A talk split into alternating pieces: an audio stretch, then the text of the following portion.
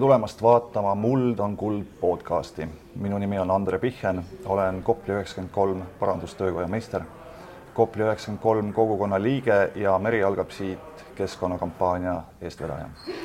põhjus, miks me mullast räägime, miks meil on selline podcast, väga lihtne. kõik inimesed sinu ümber, loomad, puudpõõsad, taimed, putukad, toit sinu laual, kõik sinu argipäeva toimetamised ja hobid kõik on ühel või teisel viisil mullast pärit ning sinna nad ka ühel päeval tagasi lähevad. me räägime mullast läbi hariduse, läbi ökoloogia, läbi poliitika ja ikka selleks, et jagada infot kõigile neile, kes seda vajavad. meie seitsmeosalise podcasti esimeseks külaliseks on Rakvere Riigigümnaasiumi õppejõud, ökoloogia doktor, poliitika, elu ja mullahuviline Mihkel Kangur, tere tulemast tere tulemast, aitäh. Äh, meid mõlemat väga huvitab, kuidas asjad toimivad, kuidas toimib maailm, kuidas toimib elu mulla all, mulla peal. Äh, muld öeldakse, et äh, sealt me oleme pärit, et kui nii öelda, siis see tähendab, et muld on justkui elu alus, vähemalt maise elu alus. kui ma ütlen sulle muld, mis see sinu jaoks tähendab, mis asi on sinu jaoks muld?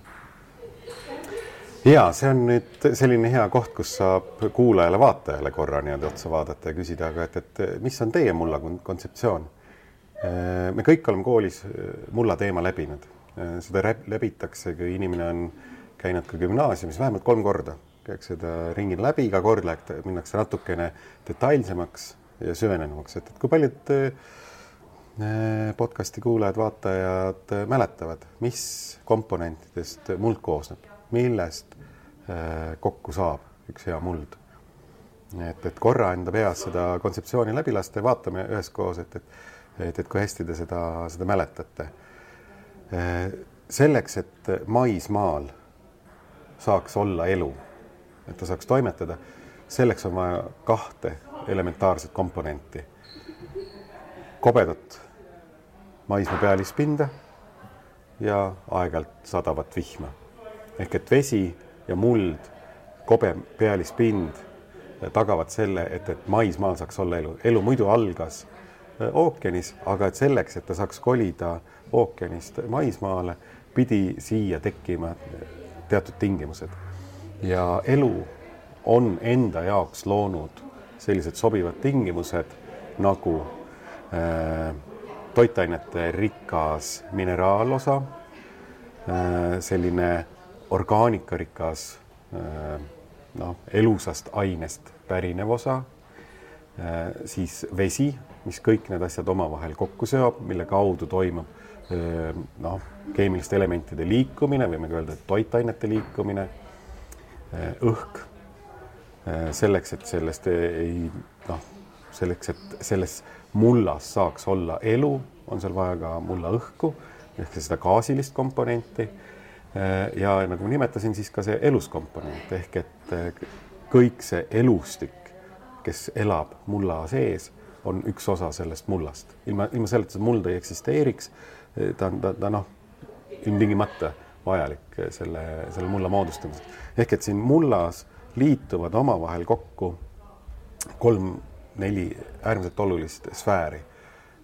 litosfäär ehk et tahkeosa maismaas, hüdrosfäär ehk et veeosa, atmosfäär ehk et gaasiline osa ja biosfäär ehk elus osa. Need kõik liituvad. lisaks on mulla osa aeg. mulla tekkeks, mulla väljakujunemiseks on vaja aega. noh, näiteks Eesti aladel äh,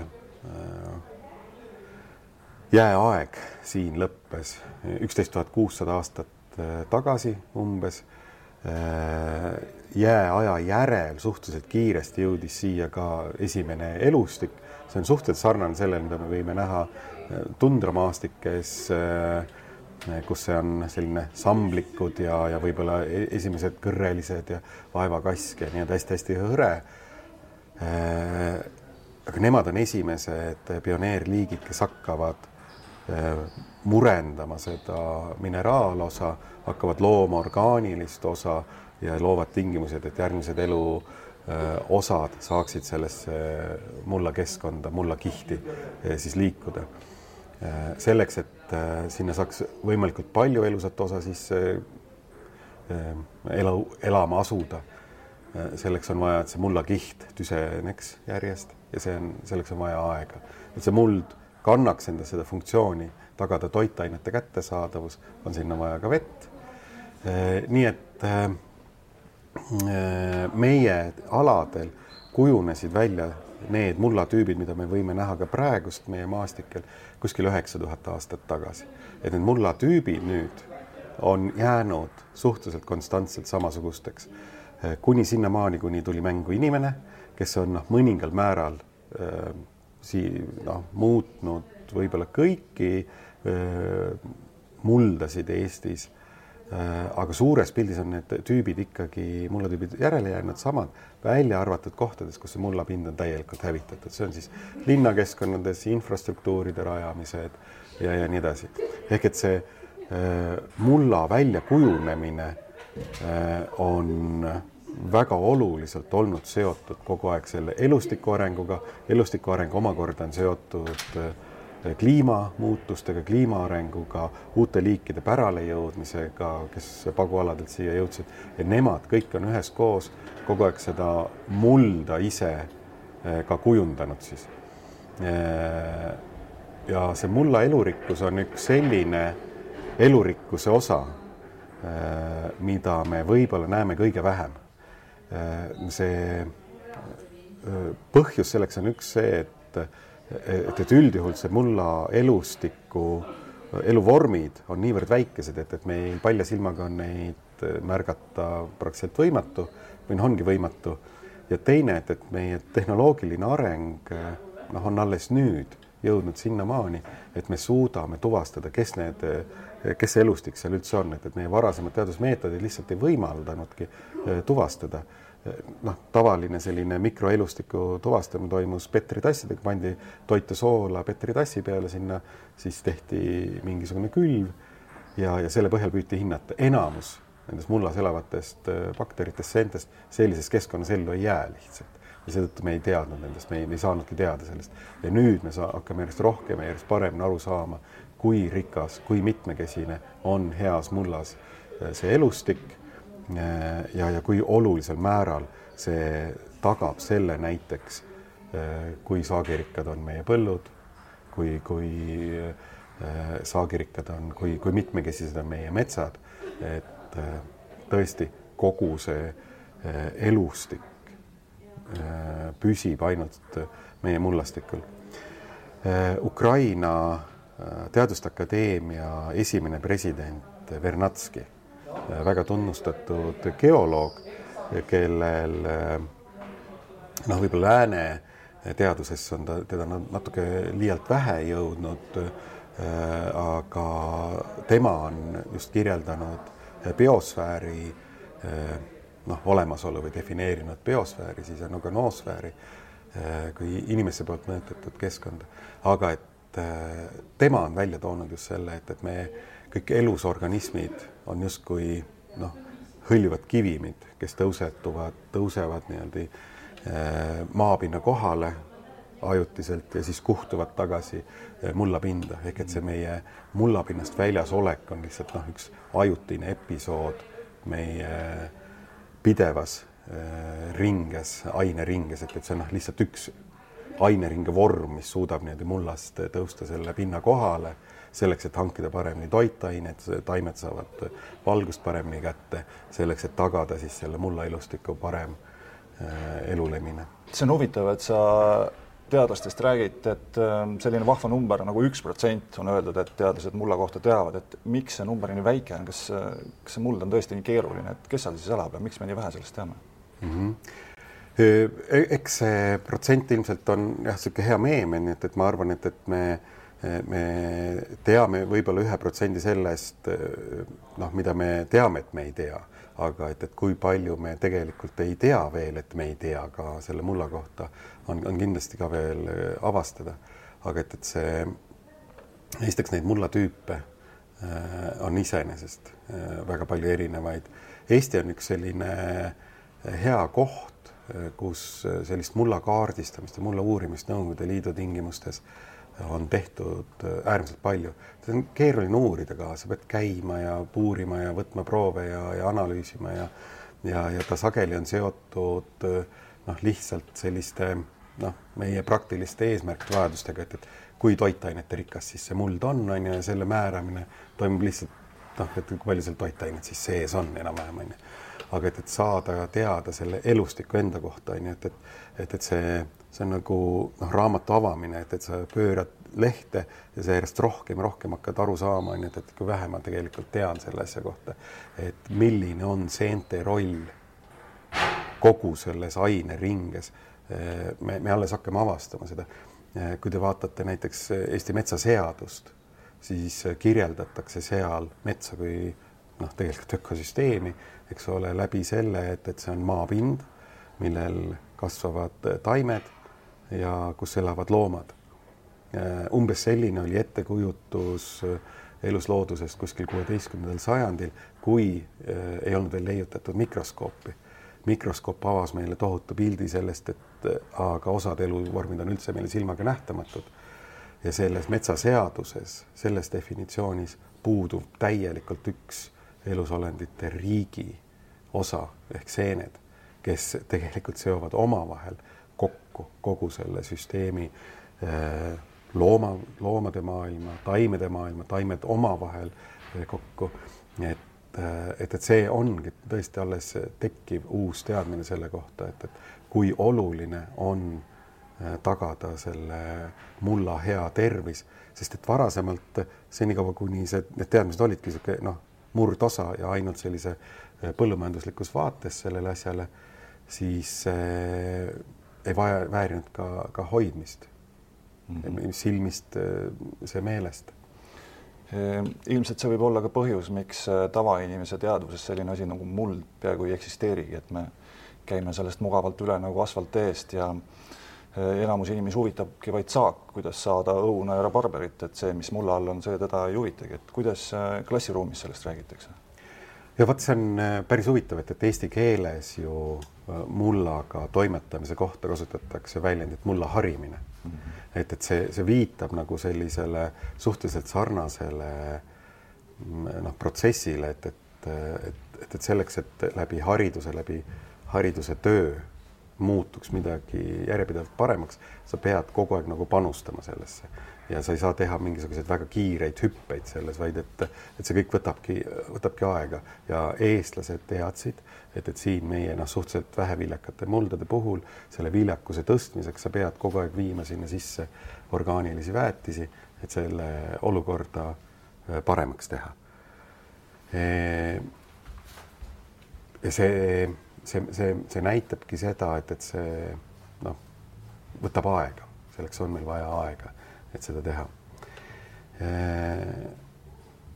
miks me seda ka ignoreerinud oleme, on, on võib-olla see, et, et äh, meile tundub, et, et see asi on noh, kogu aeg olnud antud meile. et see on noh, kogu aeg olemas olnud meile, et me ei pea selle pärast äh, väga kõvasti muretsema. Äh, nagu väga paljude looduse poolt pakutavate hüvede puhul me võtame seda kui garanteerituna. Kui mõelda sellistele jätkusuutlikkusega seotud mõistetele, et meil on taastuvad ressursid ja taastumatud ressursid Äh, siis äh, jätkusuutlikkuse kontseptsiooni rajamisel räägiti väga palju sellest, et ühel hetkel saavad meil otsa nii-öelda need taastumatud loodusressursid. Äh, samas meil ei ole inimkonna ajaloost ette näidata mitte ühtegi sellist ressurssi, mis oleks kunagi otsa saanud, mida me nimetame taastumatuteks ressurssideks. meil ei ole ühtegi maak ühtegi, maavara ei ole sellisena kunagi otsa saanud. me oleme muutnud sellel hetkel tehnoloogiat, kui see on muutunud defitsiitseks. küll aga on meie inimkonna ajaloos olnud korduvalt neid episoode, kus otsa on saanud eh, need ressursid, mille kohta me tavatseme öelda, et taastuvad ressursid ehk siis puhas vesi, puhas õhk, mullastik, et, et eh, tsivilisatsioone on eh, kokku kukkunud mitmeid põhjusel et äh, on ära tarvitatud näiteks mulla, mulla ressurss. et see, see, see, see tunne, et, et see on kogu aeg olemas olnud, see on noh, antud meile, meie harida, me võime seda kasutada nii, nagu meie ise tahame. et see on noh, nii loomulik olnud meile ja, ja vähesed teadmised sellest, mida ta tegelikult on, vajab, mida intuitiivselt meie maaharijad, talunikud teadsid, et, et lehma tuleb pidada sellepärast, et saada sõnnikut, et pakkuda mullale orgaanilist väeda, väetist, et saada leivavilja, siis selle äh, noh, mehhanisme seal taga, ega nad ju ka ju ei teadnud tegelikult mm. kui rääkides ressurssidest, siis ähm, meil on selline vahva termin nagu ökosüsteemi teenus, et äh, tõenäoliselt neid teenuseid on väga palju ja mida paljud inimesed võtavadki väga iseenesestmõistetavana ja paljusid üldse ei teatagi, et mis asi on ökosüsteemi teenus? see on üks kontseptsioon, kuidas selgitada loodust äh, äh, noh, majandusteadlasele. et kui me teeme mingisuguseid otsuseid ühiskonnas siis eh, kõige enam kasutatakse noh, majanduslikke argumente, kas tasub ära? Eh, tasuvusanalüüs on ju, et, et see, need, need, see, see majanduslik argument on nagu kõigile nagu kuidagi eh, paremini mõistetav. ja et, et seda siis looduse poolt paremini sellesse valemisse panna, et, et, et, et kui me räägime tasuvusanalüüsist on ju ja mingisuguse protsessi hindamisel, et siis kuidas me võtame arvesse seda, et, et see mets mida siis noh, uue raudtee rajamiseks maha võetakse, et ta osutab meile mingisugust sellist hüve nagu näiteks fotosüntees, et, et tagada meie noh, hapnikuga varustatus, et, et sellele saab külge panna noh, mingisuguse hinnasildi, erinevad meetodid, kuidas see siis nagu välja arvutatakse. Eh, et, et valdav osa sellistest eh, loodusressurssidest, millele me oskame hinnasilti külge panna, neid me nimetame varustavateks teenusteks. Ehk et nad annavad meile mingisugust ressurssi, noh, puidul on, on konkreetne hinnaressurss, aga sellised reguleerivad meie kliimat reguleerivad, meie atmosfääri tsirkulatsiooni mõjutavad, selle koostist mõjutavad eh, hüved, mida metsad ja taimestik meile pakuvad, seda on juba tunduvalt keerukam hinnata aga me saame noh, mingite analoogiatega ja, ja, ja niisugust noh, erinevatel viisidel seda ka siis ju teha. aga väga keeruliseks läheb siis, kui me peaksime hakkama hinda külge panema sellistele hüvedele, mida nimetatakse kultuurilisteks. Ehk et aga kuidas see mets meid inspireerib, kuidas ta annab meile noh, hingejõudu, kodumetsad, kuidas ta on seotud kodutundega, et, et siis ta järsku nagu kukub laua pealt maha me äh, kinnisvaraäris äh, teame küll väga hästi, on ju, et, et mida tähendab miljoni dollari vaade. aga et, et äh, noh, see on ainult noh, väga spetsiifilistes situatsioonides, kus seda osatakse siis nagu hinnastada, seda kultuurilist hüve, mida ökosüsteemid meile pakuvad. aga et, et seal on noh, neid üks analüüs, mis me tegime Äh, üliõpilastega mõned aastad tagasi, et, et hinnata äh, ühe metsatulekahju mõju äh, nagu ühiskonnale, ka analüüsida üliõpilased siis läbi ökosüsteemide hüvede kontseptsiooni ja sealt selgus, et, et tegelikult see metsa puiduline väärtus on noh, alla poole sellest väärtusest, kui me hakkame seda rahasse panema. Ja me ei osanud ka veel kõiki neid ülejäänud hüvesid ka kuidagi neile seda hinnasilti külge panna, et, et see noh, üks metsatulekahju, mis on võrdne lageraiega, kus võetakse ainult see puiduosa siis sellest metsast välja, hävitades ära kõik ülejäänud hüved. me noh, suurem osa nendest hüvedest viskame ju siis üle parda. et see kontseptsioon annab natukene laiema vaate kui ainult need varustavad teenused siis loodusele loomulikult sellel on väga palju kriitikuid, kuidas sa siis ikkagi armastusele selle hinnasildi külge paned. aga kuidagi tuleb majandusinimestele ka seda asja selgitada, et nad aru saaksid, et päris kõike ikkagi maha müüa ei saa. kuidas sa seda kõike teades hindad praegu mulla seisu Eestis, kui sa vaatad tervikpilti, pilti, siis äh, kuidas meil mullaga Eestis lood on? eks see kõik asjad on alati kontekstis. et et äh, Eesti oli üks viimaseid riike, kes ratifitseeris ÜRO kõrbestumistõrje konventsiooni. Äh, see oli ühel hetkel mul üliõpilastega selline äh,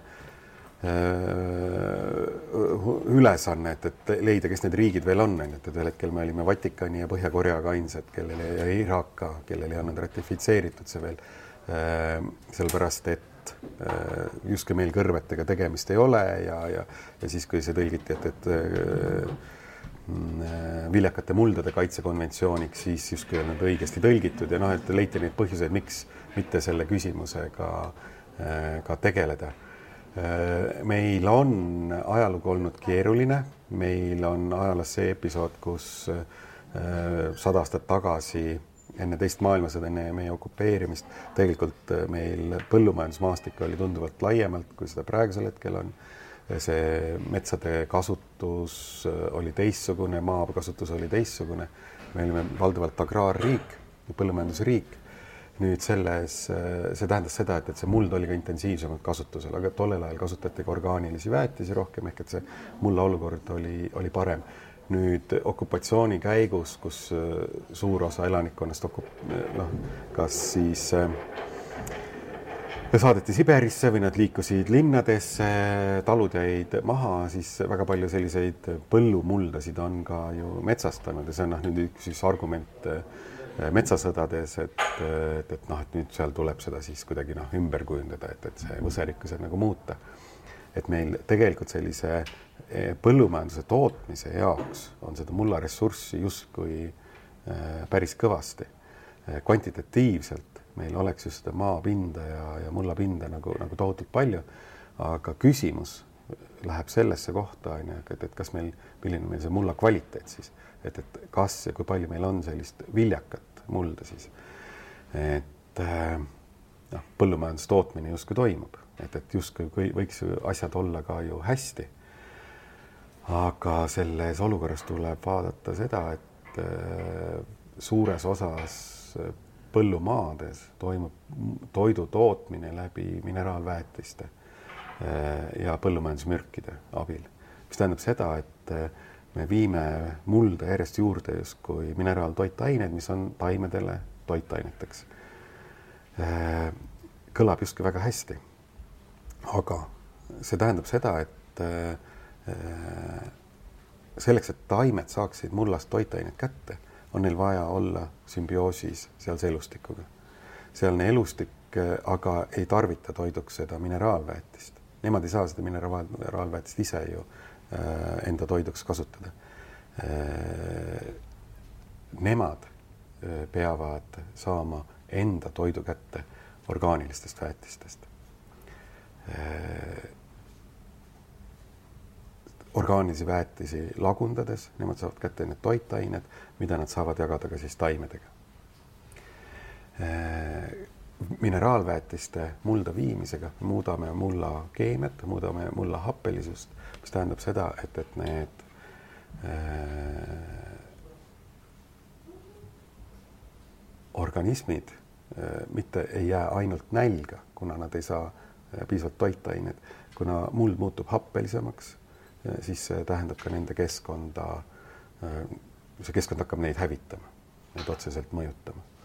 Jah, seda tõestavad ka viimased kakskümmend aastat Põllumajandusuuringute Keskuse analüüsid, mis näitavadki mulla happesuse tõusu ja ja nii-öelda baaskemikaalide nii-öelda vähesest, et lihtsalt muld enam ei seo kõike seda, mida sinna pannakse. Yeah.. et kuidas sa hindad, et äh, eelmine aasta India müstik nimega Saadguru, võib-olla sa oled kuulnud, tegi mulla teadlikkuse tõstmise kampaania Save Soil, mille eesmärk oligi siis äh, tutvustada maailmale ideed, et kui me ei pane orgaanilist väetist mulda, siis muld lihtsalt sureb, et Euroopas see mulla orgaanika hulk on umbes kaks protsenti, Indias alla ühe, USA-s umbes sama. et kas sa tead, kas on mingisuguseid tendentse või nii-öelda riiklikke meetmeid äh, vastu võetamas või võetud, et seda olukorda parandada? Noh, justkui muld peaks meil olema ju kaitse all ja, ja Eestis ka noh, teatud kvaliteediga, teatud boniteediga muldade maa sihtkasutus ei tohiks muutuda, sihtotstarve ei tohiks muutuda, et, et justkui seda kaitstaks, aga sellise ja, ja justkui mahepõllundus on natuke paremini hoitud ja toetatud ka, aga loomulikult see on, see on tohutult vähenenud mulla orgaanilise aine sisaldus on kliimavöötmetiga erinev, et troopikas ongi orgaanilist ainet seal vähem, sest et ta laguneb palju kiiremini ära, see tsükkel äh, on palju-palju kiirem. meie siin boreaalses kliimavöötmes, äh, siin see orgaaniline aine laguneb aeglasemalt ja seetõttu see orgaanilist ainet äh, ongi mullas ka rohkem, et, et, et need on need erinevused, aga, aga seal troopilistes, ma ise olen käinud Myanmaris õpetajaid õppe noh, toetamas ja täiendkoolitusi neile tegemas just jätkusuutlikkuse küsimustes, seal me käsitlesime ka mulde, neil on seal tekkinud see probleem, et põllud eh, nende kaevude ümber on noh, väga intensiivses kasutuses, täis, täiesti teistsuguses, eh, teistsugusel viisil, kui neil see, neil on traditsiooniliselt olnud.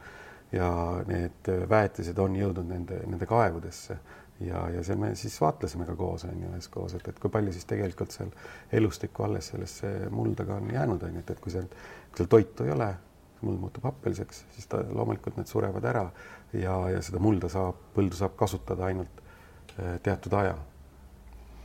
kas siin võib olla väga palju selliseid poliitilisi otsuse, otsuseid, mida me tegelikult tavainimesena üldse ei teagi, et on suure tööstuse huvid müüa oma tooteid, on võib-olla selline väike lobitöö, kuhu me, meie silm üldse ei, ei näegi, et miks on siis nii palju sellist väetist ja miks on nii vähe siis orgaanikat, kus, kus see vahe siis sisse tuleb, kas meil on kiire kuskil, et süüa toota? eks see, need protsessid said alguse äh, pärast teist maailmasõda valdavalt, et äh, toimus, äh, oli meil tööstusrevolutsioon, selle järel oli niisugune teadustehniline, keemiline revolutsioon on ju, et et, et selle rahva hulga äratoitmiseks leiti, et, et on väga hea viis kasutada äh, mineraalväetisi, et äh, tagada siis piisav saagikus, kontrollitud saagikus, rahvast sellega ära toita. Äh, suurriigid, Nõukogude Liit, USA no ühesõnaga võitjariigid, kes siis maailma hakkasid uuesti koloniseerima, nad kasutasid sellist rohelist revolutsiooni enda relvana et nad suunasid uusi tehnoloogiaid siis arenevatesse riikidesse.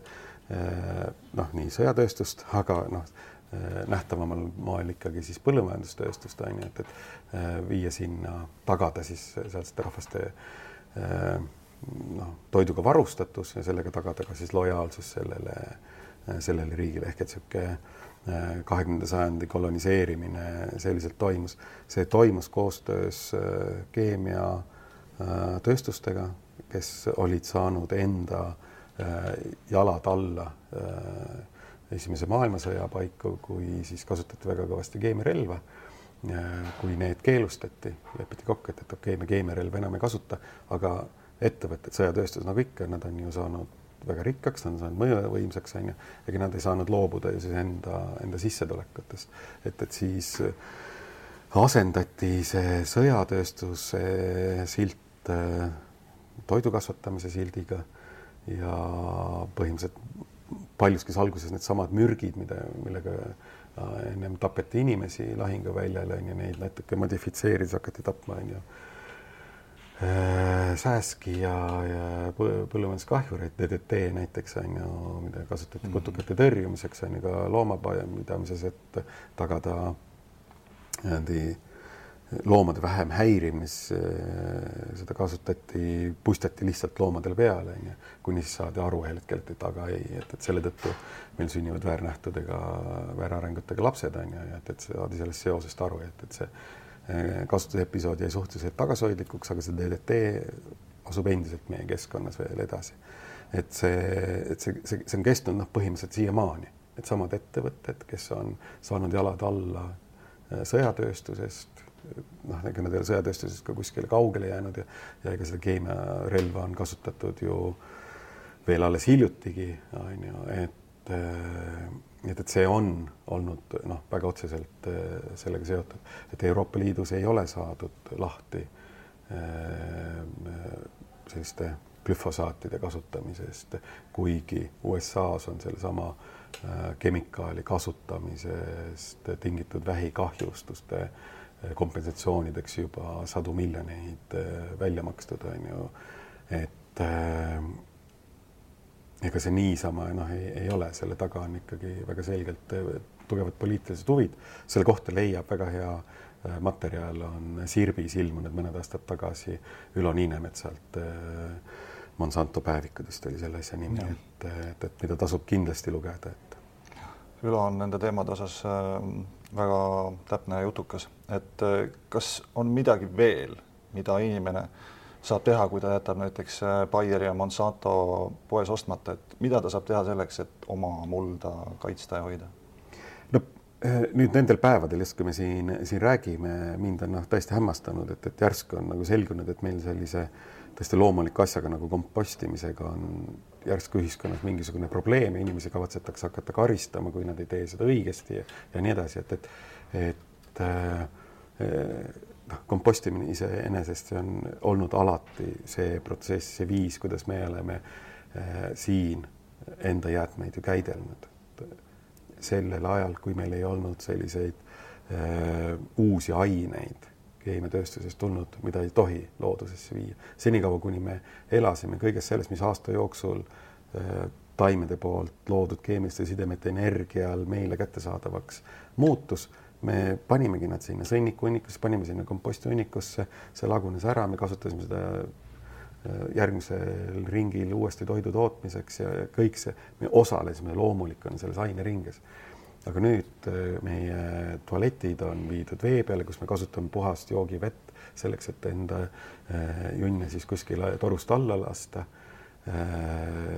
me Äh, eraldame ära kõik enda toidujäätmed, sageli visatakse nad muude jäätmetega, need lihtsalt põletatakse ära, et, et sinna ringlusesse tagasi jõuab niivõrd vähe ja siis läheme poodi ja ostame seda meie enda turba väljadelt, soodest, kaevandatud turvast, mis on viidud vahepeal kuskil välismaale rikastatud väetistega ja, ja liivaga, ostan enda kasvumullana uuesti, et, et siis kasvatada endale toitu, hävitades samal ajal siis meie rabasid.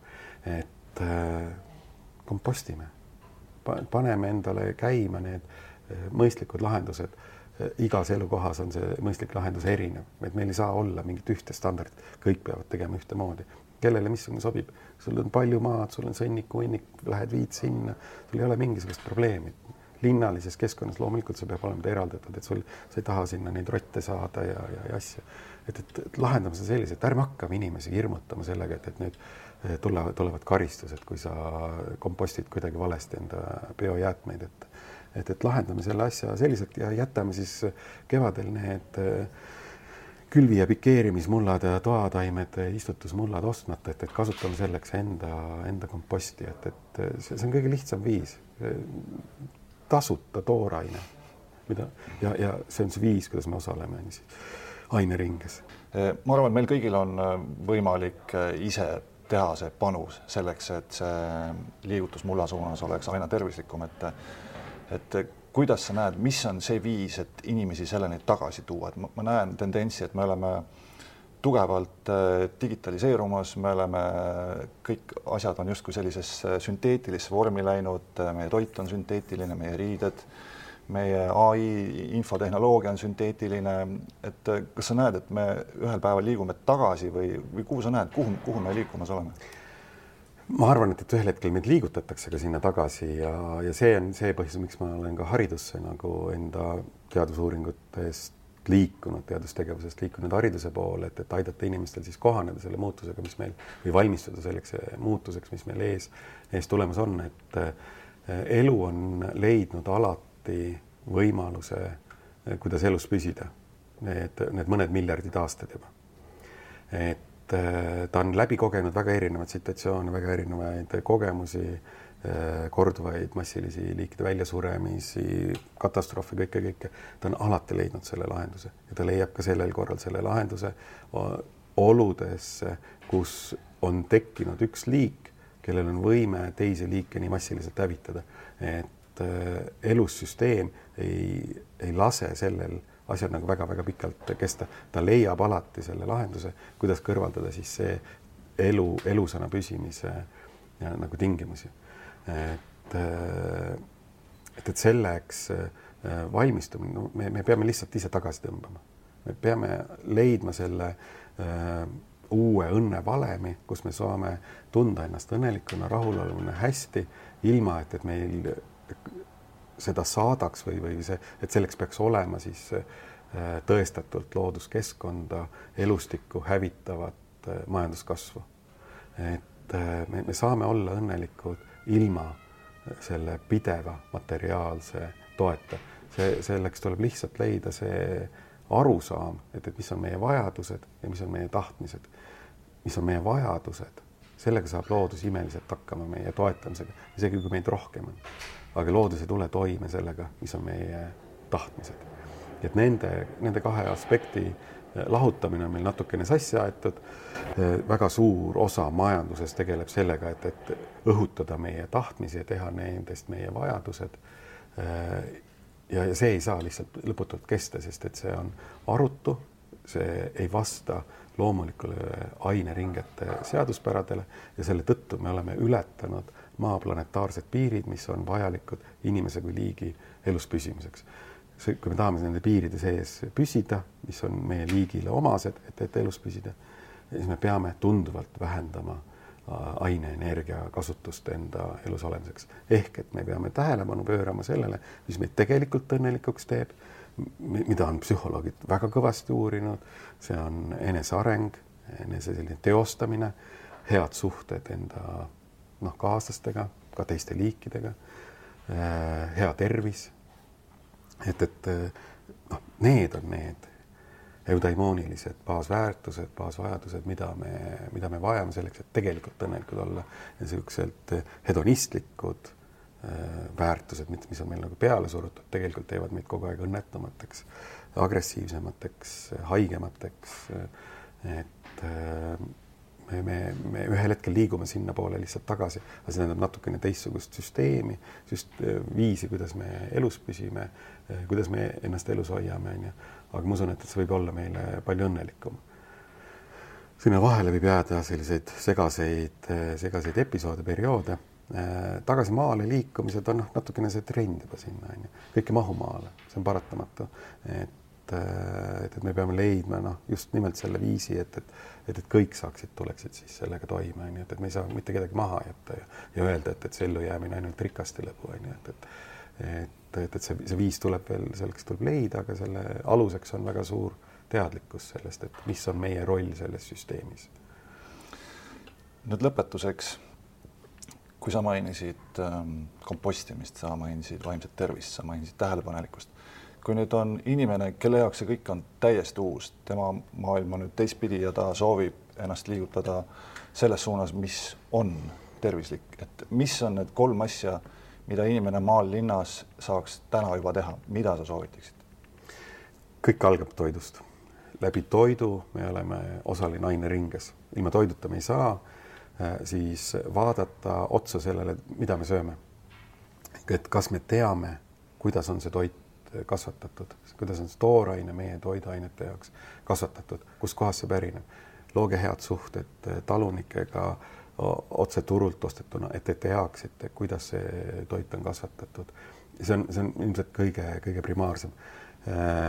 sööge vähem liha, sööge rohkem taimset toitu, sellega me säästame mulda. ma ei ole see inimene, kes ütleks, et me peame lihast täielikult loobuma, meie kehad on erinevad, meie vajadused on erinevad tervislik toitumine tähendab igale inimesele väga erinevat, aga me kõik saame, kes me liha sööme, me saame vähendada seda kogust, mida me loomset toitu tarvitame.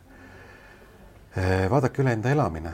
Äh, see on teine viis, me, me saame ümber kujundada enda keskkonda, me saame kujundada enda ümbritsevat keskkonda. Mm, noh, praegust ka me oleme isoleerinud ennast väljas olevast külmast aga me kujundame ümber ka seda keskkonda, mis jääb meie majast väljapoole. kui palju me jätame ruumi teistele liikidele, kas me näeme terve suvi otsa vaeva sellega, et, et tõrjuda sealt enda ümbert noh, nii-öelda siis umbrohte, luues endale mingisugust ideaalset kujutluspilti rohelisest, mis tähendab rohelist kõrbe enda tege, ümber tegemist, et et, et laske olla teistel liikidel ka, nautige seda, õppige näiteks sel järgmisel suvel, õppige tundma ära äh, kümme uut liiki, keda te veel ei ole tundnud enda ümber, et märgake, kes nad on.